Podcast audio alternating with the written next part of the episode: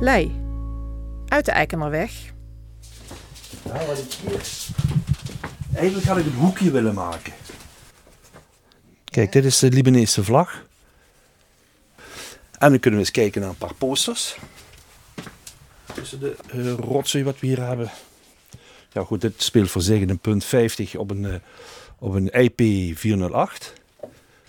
De herinneringsmedaille en de Unifil-medaille.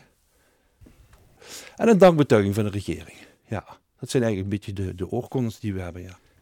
Een corporaal, ja. Dat moet een 80 zijn, ja. Uh, ik, uh, even kijken, ik heb het opgehangen naar de scheiding. Nadat ik van, uh, ja, van mijn ex ben gescheiden en deze woning heb betrokken, had ik zoiets van, nou, eventjes lekker terugtrekken en ja, bepaalde dingen die je eens eventjes op een bepaalde tijd kunt bekijken. Tja.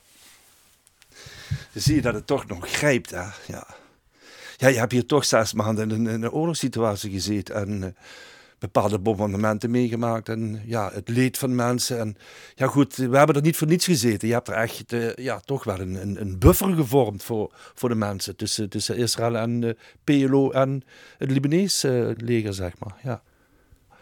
Het had ook anders kunnen lopen. En daar ben ik voor dankbaar voor. Ja. En ik niet alleen, maar 9000 andere mensen, buiten negen anderen die zijn overleden. Ja.